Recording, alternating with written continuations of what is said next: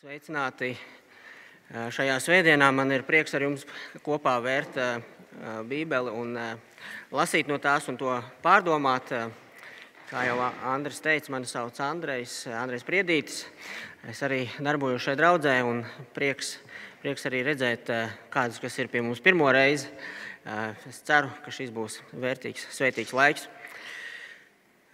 Vērsim vaļā mūsu Bībeles un lasīsim no Romiešu vēstules 4. nodaļas, 1. 12 pantus. Tā ir 1141. lapas puse, 4. nodaļa, 1. 12 panti.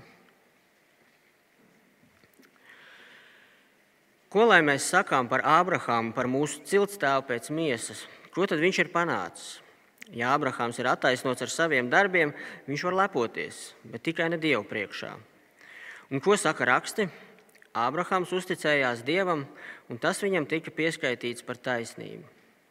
Kas dara darbu, tam alga netiek aprēķināta pēc žēlastības, bet gan pēc tā, kas pienākas. Turpretī tam, kas nedara, bet tic Dievam, kas bezdievīgo attaisno, viņa ticība tiek pieskaitīta par taisnību. Arī Dāvids par laimīgu sauc tādu cilvēku, kam Dievs taisnību pieskaita, pieskaita neatkarīgi no darbiem. Laimīgi tie, kam pārkāpumi piedoti un grēki apklāti. Laimīgs tas vīrs, kam kungs nepieskaita viņa grēkus. Vai šī svētība ir domāta vien apgaizītajiem vai neapgaizītajiem arī? Jo ir sacīts, Ābrahamam ticība tika pieskaitīta par taisnību. Un kad ticība viņam tika pieskaitīta, kad viņš bija apgaizīts vai kad vēl nebija? Jau tad, kad viņš vēl nebija apgaizīts, nevis kad bija un apgaizīšanas zīmi viņš saņēma kā apstiprinājumu zīmogu ticības taisnībai, kas viņam jau bija pirms, tam, bija jau pirms apgaizīšanas, lai viņš kļūtu par tēvu visiem, kas tic, būdami neapgaizīti, un lai taisnība tiktu pieskaitīta arī viņiem. Un lai viņš kļūtu par tēvu arī tiem apgaizītajiem, kas ne tikai ir apgaizīti, bet arī staigā tās ticības pēdās, kas mūsu tēvam Ābrahamam bija pirms apgaizīšanas. Āmen! Es īsi vadīšu mūsu lūkšanā pirms pārdomājuma. Stiprs tronis ir kunga vārds, turp skrien taisnais un glābts. Kungs, mēs tagad, kad pārdomāsim tavu vārdu, lūdzam, lai tas ir un lai tas kļūst par stipro troni, kurā mēs ieraugām un iepazīstam tavu glābšanu. Palīdz mums būt koncentrētiem, safokusētiem, un lai tavu vārdu varam uzņemt, un lai tas veido un pārveido mūsu sirdis un dara tās līdzīgākas tev. Un lai tas dara tādas, kas arvien vairāk pieķeras tev. To lūdzu Jēzus vārdā. Āmen. Šodien mums ir jādomā par to, kāds ir laimīgs cilvēks.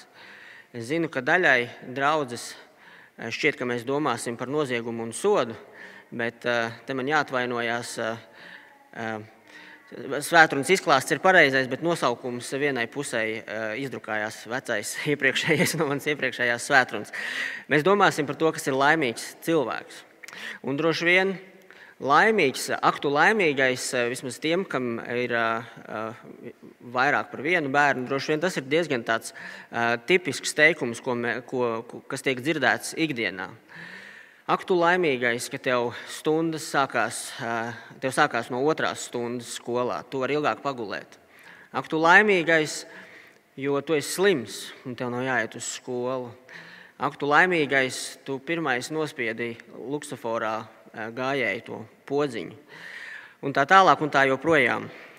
Laimīgs, laime. Kas ir laimīgs? Nu, mēs cerams, pie kaut kādiem secinājumiem varēsim tikt šīs svētdienas noslēgumā. Bet, ja jūs atceraties pagājušo svētdienu, tad mūsu romiešu vēstules sērijā pagājušā svētdiena bija tāds pagrieziena punkts Pāvila veidotajā argumentā, ko viņš būvēja par to, kādā veidā cilvēki var tikt glābti, kā viņi tiek taisnoti taisnā soļa Dievu priekšā. Ja jūs atceraties, līdz tam Pāvils skaidroja un argumentēja. Es pat vienu brīdi konspektā ierakstīju, masēja savus lasītājus un centās izskaidrot un radīt to apziņu par to, cik bezcerīgā, cik bezcerīgā stāvoklī ir cilvēks Dievu priekšā. Un ik viens cilvēks, pagāns, jūts, reliģiozais cilvēks, ik viens cilvēks. Un tas kulminēja ar tiem zināmajiem Pāvila vārdiem. Pareizāk sakot, viņš citēja vairākus psalmus, kad viņš sacīja trešajā nodaļā, nav neviena taisna, neviena paša, nav neviena, kas meklē Dievu. Visi ir aizgājuši no Dieva. Nav neviena, kas dara labu, pat neviena nav. Vis, dieva bijības nav viņu acu priekšā. Visiem mute ir aizdarīta, un visa pasaule ir pakļauta Dieva tiesai. Dramatiski vārdi, kā jau sacīju, principā bezcerīga situācija. Un tad, ja atceraties, pagājušā svētdienā Miroslavs mums skaidroja šīs vēstules svarīgāko, bet, kā viņš teica, svarīgākais bet šai vēstulē, bet Dievs. Šajā visā drūmajā situācijā, bet Dievs. Un mēs redzējām, ka šis bezcerīgi pazudušais cilvēks var tikt taisnots Dievu priekšā. Proti, tas notiek, kad Kristus izpērk cilvēkus no Dieva taisnīgajām dusmām, apmierina viņu dusmas un dod izlīgumu starp cilvēku un Dievu. Un tad, kad, tad, kad Pāvils to ir izskaidrojis, pirmā praktiskā lieta šīs patiesības gaismā, ko Pāvils piemin, viņš to piemin caur šo jautājumu. Kur tad cilvēku dižošanās vai lielīšanās? Kur ir kāds nopelns cilvēkam, ar ko viņš varētu dižoties par savu glābšanu? Protams, tāda iemesla un tāda pamata nav. Un līdz ar to mēs esam nonākuši pie mūsu tikko nolasītās raksturvietas, kas turpina risināt šo dižošanās, vai lielīšanās vai lepošanās jautājumu. Un šī raksturvieta paskaidro un zināmā mērā pat ilustrē šo, šo, šo jautājumu. Um, šo, šo trešās uh, nodaļas noslēdzošo daļu. Un Pāvils atkal sāk, mēs redzam, sarunāties ar savu iedomu draugu, pareizāk sakot, savu iedomu pretinieku, kurš oponē tam, ko Pāvils tikko ir pateicis. Un viņš uzdod jautājumu, ieskatieties pirmajā pantā. Viņš uzdod jautājumu, ko lai mēs sakām par Ābrahāmu, par mūsu ciltstēvu pēc miesas. Ko tad viņš ir panācis? Ko Ābrahams tādu ir izdarījis, eh, lai viņš varētu dižoties ar saviem, saviem nopelniem par, par savu stāvokli Dievu priekšā? Ābrahams, eh, pirmais no jūdu patriarchiem, pirmais vīrs pēc Dieva eh, lielā restarta Noā laikā, kurš ir minēts rakstos, vīrs, kurš paklausīja Dievam, kad viņš, viņš atstāja savas mājas, kad Dievs viņu uzrunāja un devās uz zemi, kuru Dievs viņam norādīja. Ābrahams, varonis, viņš nedaudz, ar nedaudz lielāku kā 300 vīru karu, karaspēku sakāva neiedomājamu pārspēku, daudzu, daudzu ķēniņu karapulkus un izglāba savu brāļu dēlu Latu. Un, protams, droši vien tas zināmākais Ābrahama darbs vai tas notikums, kad Dievs liek Ābrahamam upurēt viņa vienīgo dēlu Īzāku. Viņš bez ierunām nākošajā rītā krāmē vajadzīgās lietas un paklausībā dodas uz, uz Dievu norādīto vietu, lai izpildītu šo, te, šo Dieva pavēli. Abrahama dēlam Īzakam vēlāk Dievs saka šādus vārdus: Abrahams klausīja manai balsī un turēja manus norādījumus, manus baušļus, manus likumus un manu bauslību. Un tāpēc nevelti Pāvils saka, 2. pantā, Ābrahams ir attaisnots ar saviem darbiem. Viņš var lepoties. Vienīgi es neizlasīju teikumu precīzi un līdz galam, ja jūs sakojat līdzi rakstos, tad eh, jūs man pieķērāt. Tur ir teikts, ja Ābrahams ir attaisnots ar saviem darbiem, Viņš var lepoties, bet tikai ne Dievu priekšā. Mēs izlaidām nu, dažus, dažus faktus par Ābrahāmu. Nu, varbūt nav tādi pārāk svarīgi. Nu, piemēram, piemēram, viņš meloja un lika savai sievai melot, sakot, ka viņa ir viņa māsa. Baidīdamies, ka viņu varētu nogalināt, tur bija viens cits zemes ķēniņš, kurš bija ieskatījies viņa sievā, un viņš nobijās. Viņš teica, tu labāk saki, ka esi mana māsa. Nu, bailīgs mēlis, nu, kam gan kādreiz negadās satraukumā sameloties. Vienīgi nu, viņam gadījās tā divreiz, tur bija vēl viena identiska situācija, un viņš darīja tāpat. Nu, tā reize, jā, kad kad eh, Dievs bija apsolījis Abrahamam pēcnācējus, eh, nu, viņš saprata, ka sievai jau ir menopauze iestājusies. Līdz ar to nu, nu, Dievam vajag nedaudz palīdzēt. Un, un, un tad, tad nu, Dievs acīm redzot, nebija līdz galam visu tā izdomājis un sapratis. Un tad eh, sievas pamudināts viņš, viņš rīkojās, Dievam piepalīdzēja un viņam nāca pēcnā, tika pēcnācējs no, no sievas kalpones. Nu, nu, nav, nav, nav, jau, nav jau nekas tāds. Ir jau labi būt izpalīdzīgam, un kam vēl labāk izpalīdzēt kā dievam pašam, vai ne? Bailīgs, eh, melīgs, laulības pārkāpējs. Arī tāds ir mūsu varonis, Ābrahāms. Ko šāds cilvēks būtu pelnījis taisnīgā Dieva priekšā? Vai tiešām dā, eh, Dievs saka pareizi, eh, ka Ābrahams ir klausījis viņa balsī, turējis viņa norādījumus, viņa baušļus, viņa likumus un viņa bauslību? Vai Dievs pievēr acis uz šādiem klupieniem? Ja tā, eh, vai tādā gadījumā Dievs ir taisnīgs Dievs? Vai varbūt Dievs skaita plusiņus un mīnusiņus? Un par cik plusiņu Abrahamam bija vairāk, vai viņi bija tādi nozīmīgāki vai svarīgāki, tad nu, mīnusiņi no, noīsinājās. Pāvils saka, tā gluži nav. Abrahamam Dievu priekšā nav ar ko lepoties. Tātad tur ir kāda cita, cita lieta. Bet kā tad, eh, kā tad Dievs var teikt, ka Abrahams ir bijis paklausīgs? Lasīsim tālāk eh, Romiešu vēstuli, trešais pāns. Ābrahams uzticējās Dievam, un tas viņam tika pieskaitīts par taisnību. Šie ir vārdi, kas ir pierakstīti 1. mūža grāmatā, 15. nodaļā, konkrēti 6. pāns. Tas ir komentārs par Ābrahamu pēc tam, kad Dievs viņu bija izaicinājis ārā no viņa telts, parādījis viņam debesis un teicis, lai viņš sāk skaitīt zvaigznes. Saskaiti, cik tur ir zvaigžņu. Tās nebija Rīgas debesis, kur mēs ar platernu, auto un māju logu gaismām labi saredzam desmit zvaigznes naktī. Ne, tās bija skaidras e, debesis bez kādiem gaismas piesārņojumiem, kur Ābrahams redzēja simtiem, tūkstošiem un miljoniem zvaigžņu. Neskaitāms e, daudzums.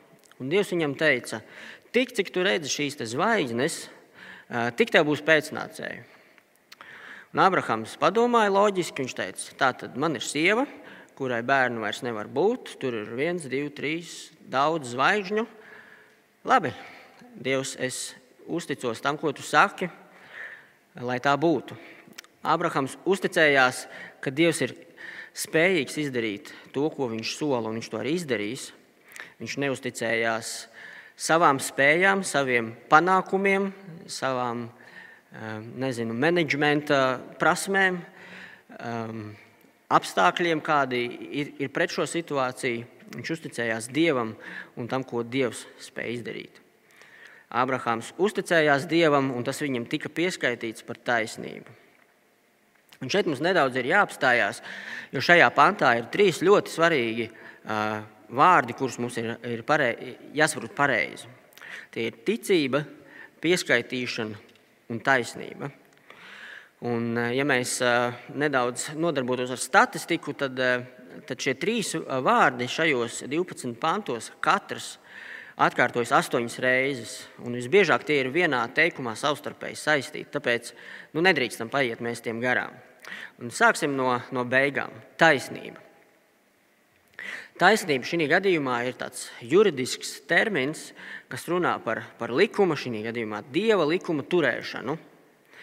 Būt taisnam nozīmē nebūt pārkāpušam neko, ko likums aizliedz, un būt izpildījušam pilnīgi visu, ko šis likums prasa.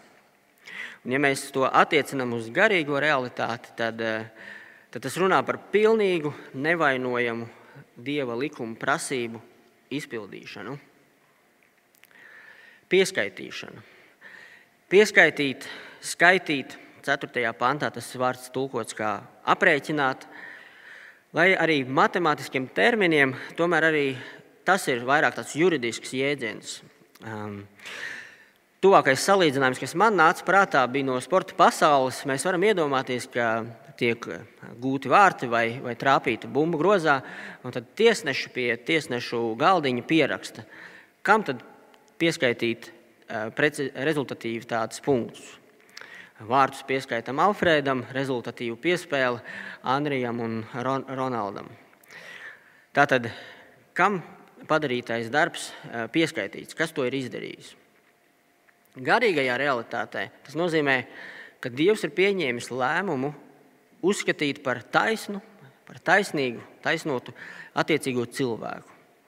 Un tas ir tāds statusa, nevis uh, rakstura maiņas tāds, uh, apgalvojums.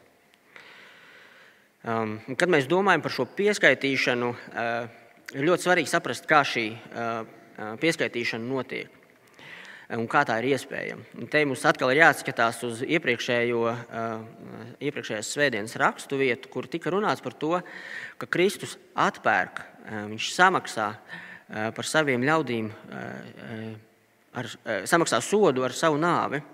Dievs joprojām ir taisns un taisnīgs. Par grēku pienākas sots, un šis sots ir nāve bet šo sodu, šo nāvi izcieta Kristus mūsu dēļ. Un tad nu šis Kristus panāktais izlīgums tiek pieskaitīts, pieskaitīts viņa ļaudīm. Un tad visbeidzot ticība. Droši vien mums ir viszināmākais no šiem trim. Mums ir zinām nojauta par to, ko nozīmē ticība. Vēstule ebrejiem saka, šis ir vecajā tulkojumā, 11. nodaļas 1. pāns, saka, ka ticība ir stipra paļaušanās uz to, kas cerams, pārliecība par neredzamām lietām. Droši vien esam dzirdējuši šo pāntu. Bet, kur ir svarīgi saprast, ka šī ticība, šī ticība nav mūsu darbs, ko, ko mēs darām. Nav tā, ka mēs dodam ticību un pretī saņemam pieskaitīto taisnību. Ticība arī ir Dieva dāvana.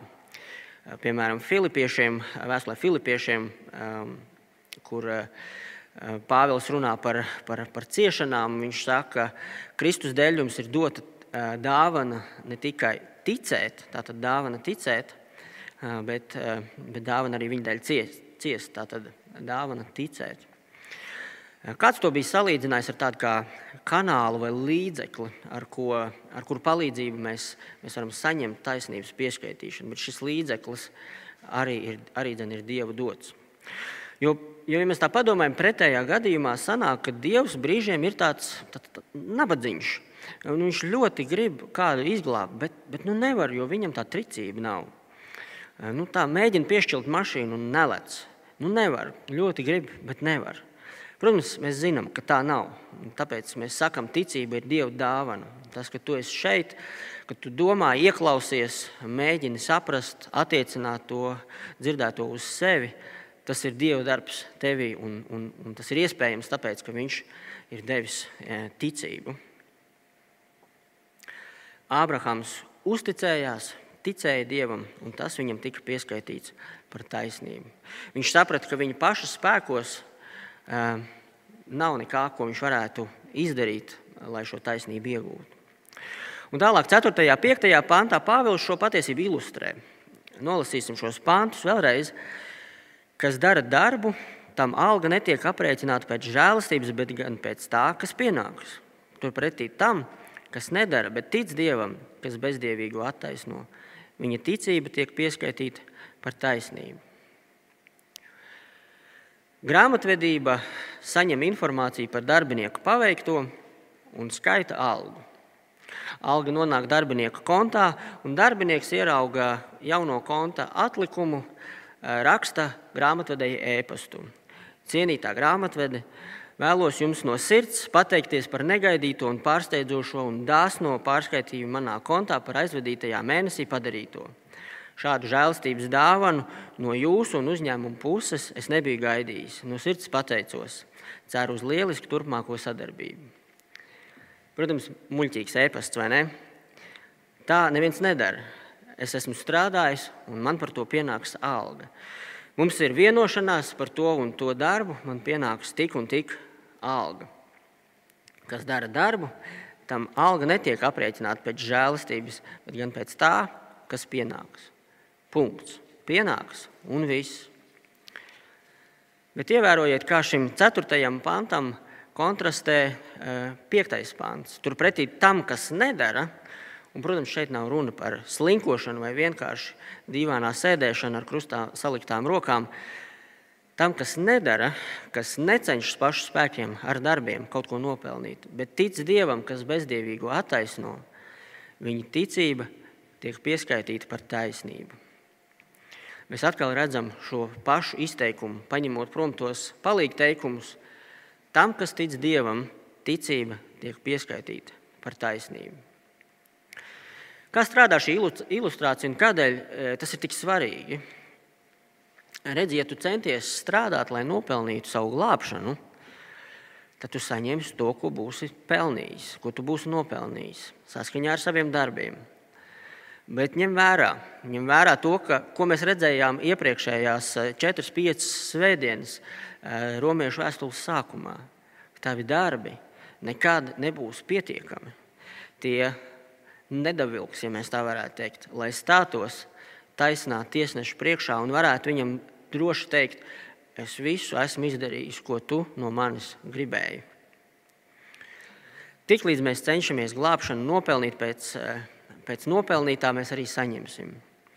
Bet tas, ko mēs saņemsim, grāmatvežu un finansistu valodā, būs tūlītējs bankrots. Tas ir interesanti īstenībā, cik varētu teikt, matemātiski ir arī šī raksturvieta. Jau sākot ar šo pieskaitīšanas un aprēķināšanas valodu, bet ja arī mēs uzrakstām šādus vienādojumus, tie strādā matemātiski. Ticība Jēzus darbam ir vienāda ar taisnību, taisnošanu. Ticība Jēzus darbam plus darbi ir vienāda ar bankrotu. Jebkas, ko mēs censtos pielikt klāt Jēzus darbam, paklausību, baušļu turēšanu, bībeles lasīšanu, baznīcas regulāru apmeklēšanu, bībeles studēšanu, kalpošanu. Un nepārprotiet, tās visas ir lietas, kuras ir labas, pareizas, un kristietim ir jāpraktizē. Kristietim ir jāiet uz draugu, kristietim ir jālasa Bībele, kristietim ir jābūt paklausīgam. Eh, bet šīs lietas nekad nevar kļūt par mūsu centieniem eh, papildināt Jēzus darbu mūsu taisnošanā. To ir svarīgi nošķirt. Šīs lietas kristiešiem ir jādara, bet nevis lai censtos izpelnīties glābšanu. Tad jebkas, ko mēs censtos pielikt klāt Jēzus darbam, rezultēsies bankrotā. Un, ja mēs tā darām, ja mēs cenšamies kaut ko pielikt klāt, tas īstenībā mēs ar to izdarām divas lietas. Pirmkārt, mēs pasakām, ka ar Jēzus veikumu ir par maz. Ar to nepietiek. Mēs īstenībā apkaunojam Jēzu. Jo sanāk, ka viņš taču nevar visu izdarīt, lai mani izglābtu. Man ir jāpalīdz viņam, nu, gluži kā Abrahams varbūt tās. Jāpalīdz viņam un jāizdara sava daļa. Bet, zini, nav tādas tavas daļas. Un otra lieta, ko mēs darām, mēs īstenībā atmaskojam savu lepnumu un uh, iedomību. Šāda uh, rīcība atklāja, ka mums šķiet, ka mūsos ir kaut kas pietiekami vērtīgs, kas varētu veicināt mūsu glābšanu. Un tā ir liela iedomība no mūsu puses. Es jau ilgi kalpoju draugiem. Es jau ilgus gadus vadu Bībeles studijas, es jau ilgus gadus daru to, ko neviens neredz, kārtoju telpas, vāru kafijas. Dievam taču tas ir jāredz. Dievam tas ir jānovērtē. Un viņš redz, un viņš novērtē, bet ne, ne lai tevi izglābtu. Bet šī, e, šim lepnumam vēl ir arī otra izpausme, tāda daudz viltīgāka izpausme. Un tā ir viltus pazemība, tāda, tāda neīsta vai ārēja pazemība. Un tas ir tās pašas medaļas otra puse, ja mēs tā padomājam. Un tā, tā doma varētu būt tāda, es esmu pārāk slikts, es esmu pārāk grēcīgs, lai būtu Jēzus attaisnots vai attaisnota. Man ir tas grēks pagātnē, kur es izdarīju, un Dievs man nevar to piedot. Vai man ir tas grēks tagadnē, tā, tā, tā cīņa vai tas netikums? Man vispirms jātiek ar to galā, lai es varētu nākt Dievu priekšā. Izklausās pazemīgi, bet tas ir tieši tas pats lepnums, kas saka, ar Jēzus veikumu pie krusta nepietiek. Viņš visu nav izdarījis. Man ir vēl jāizdara kaut kas pašam. Man vispirms pašam jātiek galā ar savu grēku, un tad es būšu cienīgs stāties viņa priekšā. Muļķības. Tu nekad nebūsi cienīgs vai cienīgi nākt Dievu priekšā, kamēr to domā panākt ar saviem darbiem. Un tāpēc cik brīnišķīgi un patiesībā atbrīvojoši skan Pāvila eh, nākošie vārdi, šī atsauce uz ķēniņa Dāvida vārdiem no 32. psalma, eh, kur lasījām arī dievkalpojuma iesākumā un, un grēku nožēlas lūkšanas ievadā. Um, Ievērojiet šais pantos, 7, 8, arī 6. Kopā tur ir trīs reizes lietots vārds laimīgs. Ieskatīsimies šais pantos, 7, eh, no 7. panta. Laimīgi tie, kam pārkāpumi piedoti un grēki apklāti.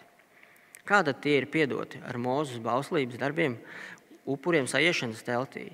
Dāvids turpina, laimīgs tas vīrs, kam kungs nepieskaita viņa grēkus. Atkal šis vārds pieskaitīt. Un, ja mums vēl ir šaubas, kā Dārvids bija domājis šos vārdus, tad Pāvils pats dod interpretāciju šiem pantiem. E, ieskatieties, 6. pantā. Pāvils saka, ka Dārvids par laimīgu sauc tādu cilvēku, kam Dievs taisnība pieskaita neatkarīgi no darbiem. Pieskaitītā taisnība. Cik tam ir jābūt uh, atbrīvojoši un cik tas ir atbrīvojoši, šī īsas brīvības sajūta, ka no tevis netiek sagaidīts, ka tu izdarīsi, sakārtos to un to un vēl to. Attaisnošanai nekas no tā nav vajadzīgs. Starp Ābrahāmu un Dāvidu ir aptuveni tūkstots gadu. Tur pa vidu vēl bija Mozus, kuram tika dota bauslība un visi tie likumi, kas jādara, kur, kādi, cik bieži un kāpēc, kādi upuri jā, jāupurē un tā tālāk un tā joprojām. Varbūt tajā brīdī kaut kas mainījās.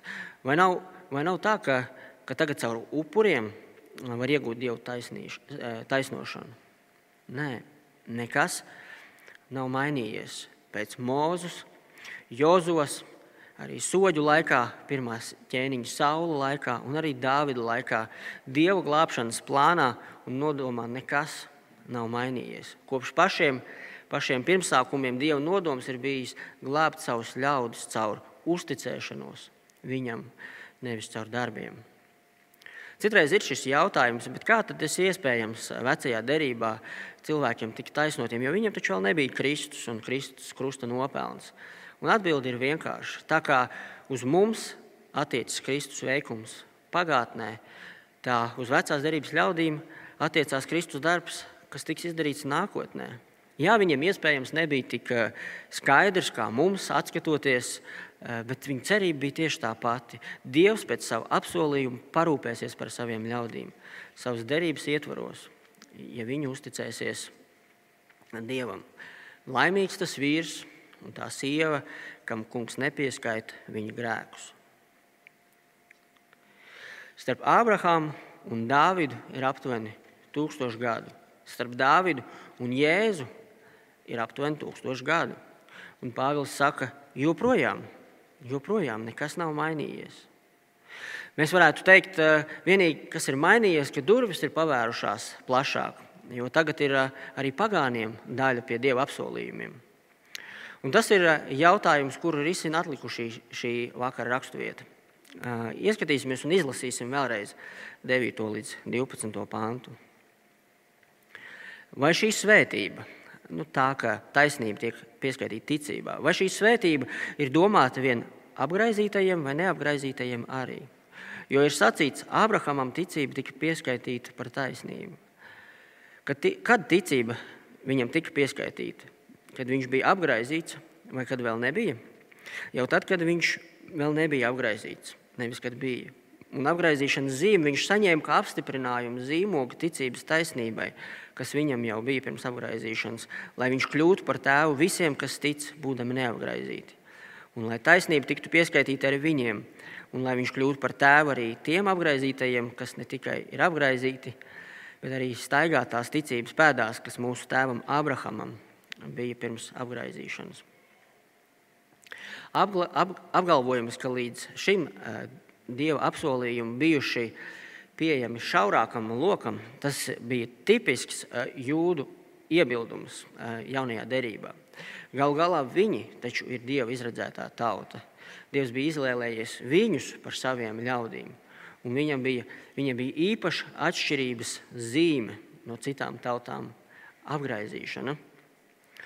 Un no citām vēstulēm jaunajā derībā mēs, mēs zinām, ka draudzēs bija šī spriedze starp jūdu kristiešiem un pagānu kristiešiem šajos jautājumos. Un mēs varam arī pilnībā iedomāties, ka, ka tāda bija arī draudzē Romā. Šī privilēģija pie, pienāks tikai mums. Tas ir bijis gadu tūkstošiem tā. Jūs labākajā gadījumā varat būt starp mums draudzē, bet tomēr jums jāsaprot, ka mēs esam atšķirīgi. Mēs esam labāki, mēs esam pirmklas, pirmklasīgāki kristieši. Tāda būtu jūdu domāšana. Pāvils uz to saka, paskatīsimies uz to vēsturiski. Ļaujiet man atgādināt jums notikumu secību. Kad Ābrahams tika attaisnots Dievu priekšā. Tas notika brīdī, kad viņš saņēma apsolījumu par pēcnācējiem. Un tikai pēc tam vēlāk viņš saņēma šo atšķirības zīmi, apgaizīšanu, kā apstiprinājumu šim jau iepriekš notikušajam faktam. Tādēļ, tādējādi tie neskaitāmie pēcnācēji, kurus simboliski Ābrahams to naktī redzēja debesīs, bija ne tikai jūdu tautības, bet no visām tautām un valodām. Tādēļ Pāvils raksta, ka viņš ir tēvs ne tikai apgaizītajiem, tātad jūdiem, bet ticīgajiem jūdiem, bet arī neapgaizītajiem, tātad pagāniem. Bet šī privilēģija, šī privilēģija ir, ir, ir, ir, um, ir pavadījusi viņu apziņā šos tūkstošus gadu, un, un tā ir dziļi iesakņojusies viņu sirdīs. Un īstenībā kā princips, kā princips tas ir jāpaturprātā arī mums. Vai mēs kādreiz nejūtamies tādi paštaisni, kā mums tomēr būtu pienākusies tā dieva žēlastība? Nu, kaut kas jau mūsos eh, laikam bija tāds, ka dievam gribējās mūs izglābt. Es nezinu, varbūt jums tā nav, bet uh, dievs mani pārsteidza nesagatavot šajā lietā, um, uzrādot man paša, uh, paštaisnību pirms kāda nepilna gada. Um, Tas bija tad, kad es, eh, es, es pēdējo reizi satiku eh, savu tēti. Viņš bija mākslīgajā komā, reanimācijā. Un, eh, būtībā tas bija stundu un, un dienu vai dienu jautājums, līdz tas viss beigsies. Pirms viņu aizveda uz slimnīcu, es vēl pagūvu ar, ar viņu un par viņu lūgt. Es lūdzu, lai viņš pieņemtu Jēzus darbu un attiecinātu to uz sevi. Viņš bija tāds ļoti smaga rakstura cilvēks. Un tad nu, es tur stāvēju tajā reanimācijas telpā pie viņa gultas, un, un, un es atceros to domu sevī. Es domāju, nu, nu būsim reāli. Būsim reāli. Tas, kā viņš dzīvoja savu dzīvi, tas, kā viņš attiecās pret citiem cilvēkiem, cik augstās domās viņš bija par sevi, nu, tā reāli skatoties. Nu, kādēļ lai Dievs viņu izglābtu, ja viņš nebija to izdarījis līdz šim? Un tajā pašā brīdī man nākošā doma izgāja cauri prātam, bet vai tad ar tevi, ar mani, bija kaut kas tāds citādāks? Vai tad manī bija kaut kas tāds, kādēļ Dievam man vajadzēja izglābt? Es biju sirdī tieši tāds pats dumpinieks, sacēlies pret Dievu. Un tikai Dieva ziņā ir kuru izglābt.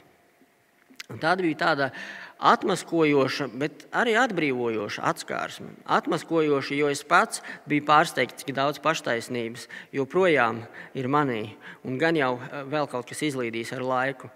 Bet tajā konkrētajā situācijā tā bija arī ļoti atbrīvojoša, jo es zināju, ka tēta mūžība ir atkarīga tikai un vienīgi no Dieva lēmuma, nevis no tā, kā viņš ir dzīvojis šo dzīvi eh, līdz šim šis, eh, šis paštaisnums, kad mēs Kristus nopelnu sākam uztvert par pašsaprotamu un kaut ko, kas mums pienāks, ir ļoti, ļoti bīstams. Izraēla vēsturē mēs, mēs, redzējām, mēs redzam, ar ko tas beidzās. Izraēla ļaudis darīja visas pareizās lietas, svinēja piemiņas svētkus, gāja uz sinagogām, upurēja visus vajadzīgos lopiņus un visu pārējo, bet viņu dzīvēs un viņu sirdīs viņi arvien attālinājās un attālinājās no paša Dieva. Šis svētrunas nosaukums, kā jau teicu, ir laimīgi cilvēki. Kas tad ir laimīgi cilvēki? Mēs jau redzējām, laimīgi cilvēki ir tie, kuri apzinās, ka ka viņi neko nevar dot un nevar pat mēģināt dot par savu taisnību, un kuri to vienkārši saņem ticībā. Un, ja mēs tā padomājam, nav jau, nav jau citas alternatīvas, kā būt laimīgam, nu, tāda šī vārda bibliskajā izpratnē. Vai tas, kurš jūtas nesasniedzis vajadzīgo tīrību, šķīstību, var justies laimīgs? Vai tas, kurš ir ilgi kalpojis, bijis kristietis, bet, tagad, bet jūtas eh, nenovērtēts eh, no Dieva, vai tāds cilvēks var justies pa īstam laimīgs?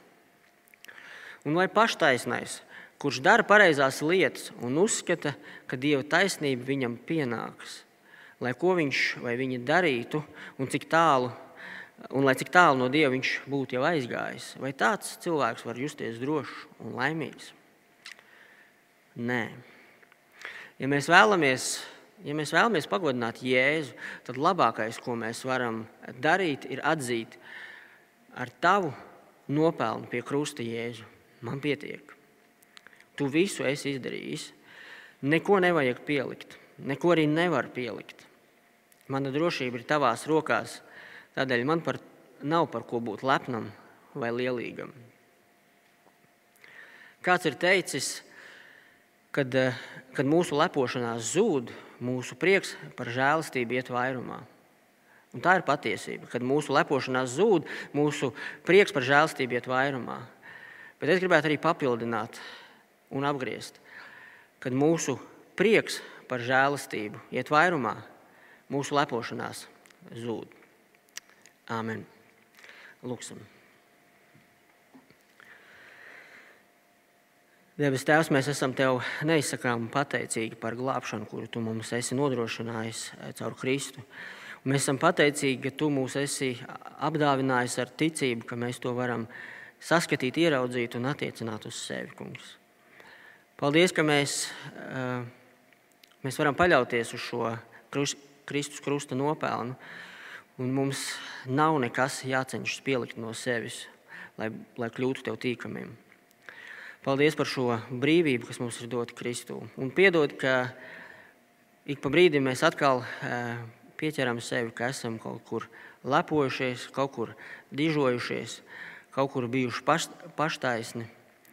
Lūdzu, piedod mums to un, eh, un, un atmasko mūs eh, vēl un vēl, lai mēs arvien vairāk ieraudzītu, cik brīnišķīgs, cik nepelnīts un cik vajadzīgs mums ir Kristus darbs.